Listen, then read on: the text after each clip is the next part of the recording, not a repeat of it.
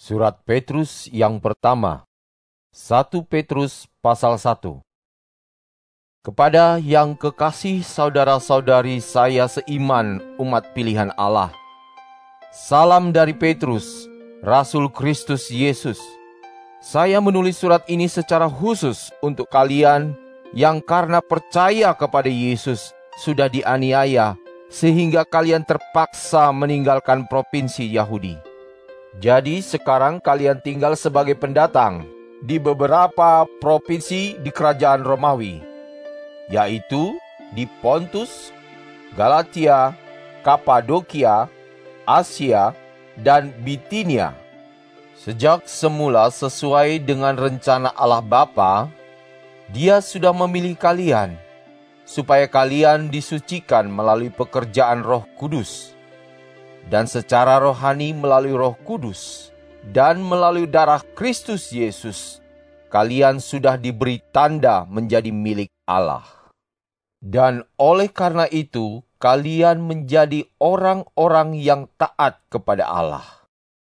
Doa saya, Allah akan selalu baik hati kepada kalian masing-masing dan menjagamu supaya kamu hidup dengan tenang dalam perlindungannya. Terpujilah Allah, Bapa dari Tuhan kita Kristus Yesus. Oleh karena belas kasihannya yang luar biasa, dia memberikan hidup yang baru kepada kita melalui anaknya yang sudah hidup kembali dari kematian. Sehingga kita memiliki harapan yang pasti berdasarkan Yesus yang sudah hidup kembali. Dan harapan kita adalah untuk menerima semua berkat yang sudah Allah sediakan bagi kita anak-anaknya. Semua berkat itu tersimpan di sorga dan tidak bisa rusak atau busuk dan keindahannya tidak akan hilang.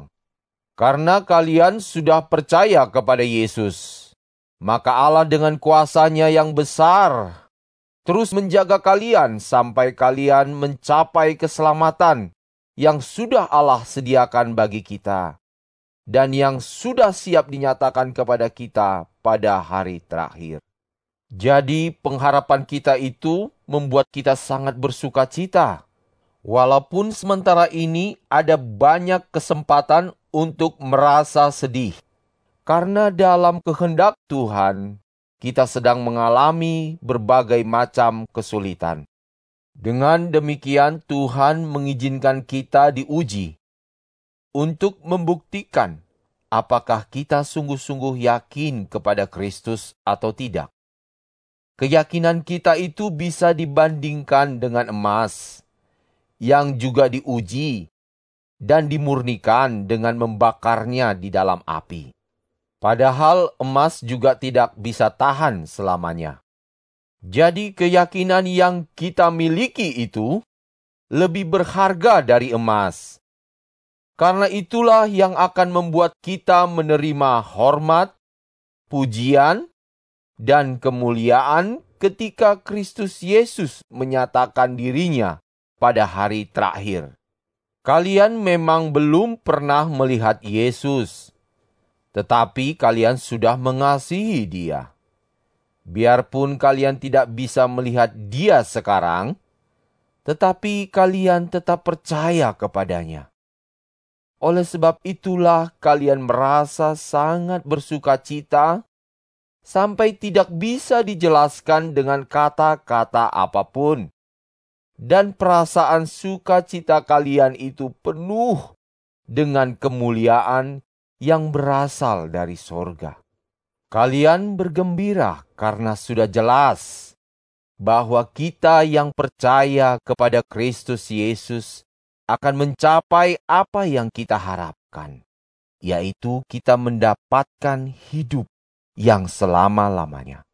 Pada zaman dulu, nabi-nabi sudah berusaha dengan tekun dan teliti untuk lebih mengerti bagaimana caranya manusia diselamatkan. Biarpun mereka tidak mengerti sepenuhnya, mereka masih terus menyampaikan berita keselamatan yang dari Allah itu, bahwa kita diselamatkan hanya oleh karena kebaikan hati Allah.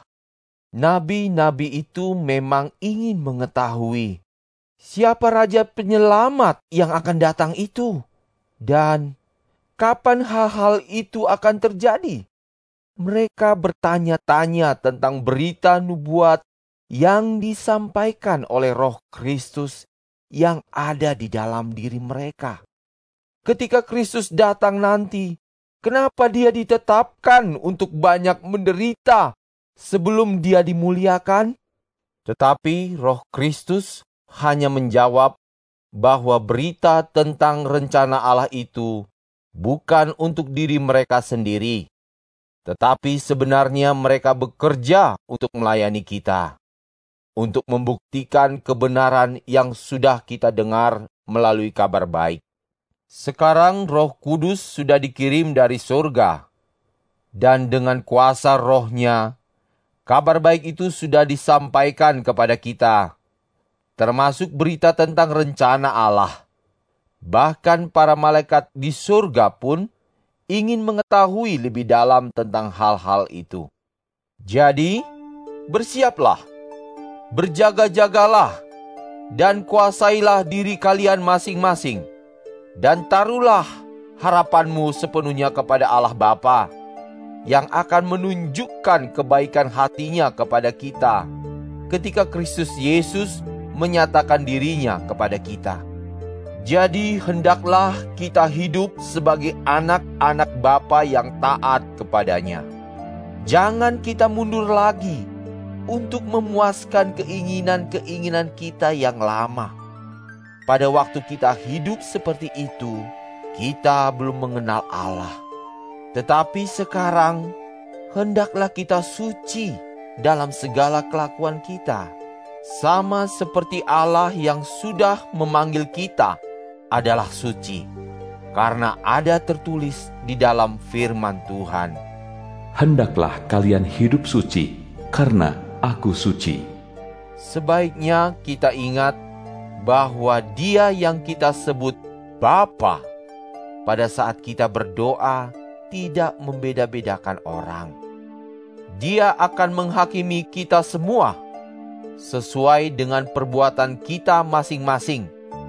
Jadi, hendaklah kita hidup dengan hormat dan takut kepadanya selama kita hidup sebagai pendatang di dunia ini, karena kita tahu bahwa Allah sudah membayar lunas untuk membebaskan kita dari kehidupan kita yang sia-sia, yang kita warisi dari nenek moyang kita, dan bayarannya tidak memakai barang-barang dari dunia ini, seperti emas dan perak, karena semuanya itu bisa rusak. Tetapi bayaran yang dipakai untuk membebaskan kita jauh lebih berharga, yaitu darah Kristus yang sudah dipersembahkan seperti korban domba yang tidak bercacat dan tidak bernoda. Tugas Kristus itu sudah ditentukan oleh Allah sebelum dunia ini diciptakan.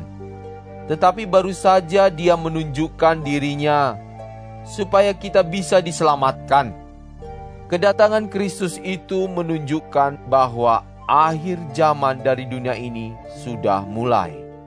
Jadi, melalui Kristus, kita percaya kepada Allah yang sudah menghidupkan Dia dari kematian dan memberikan kemuliaan kepadanya. Karena itulah kita percaya dan menaruh harapan kita sepenuhnya kepada Allah.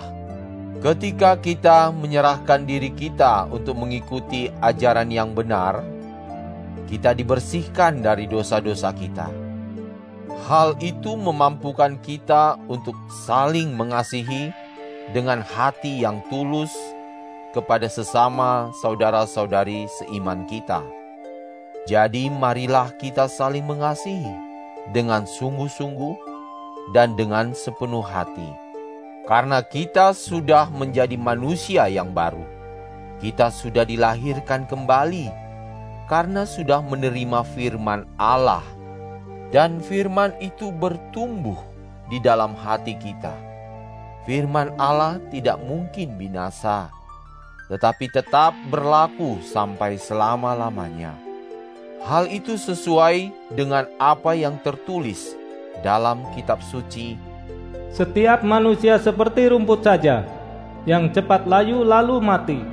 Dan kemuliaan manusia itu adalah seperti bunga-bunga tanaman liar yang cepat rontok dan hilang. Tetapi firman Allah tetap berlaku untuk selama-lamanya. Dan tentu saja kabar baik yang sudah diberitakan kepada kalian, termasuk firman Allah yang tetap berlaku itu.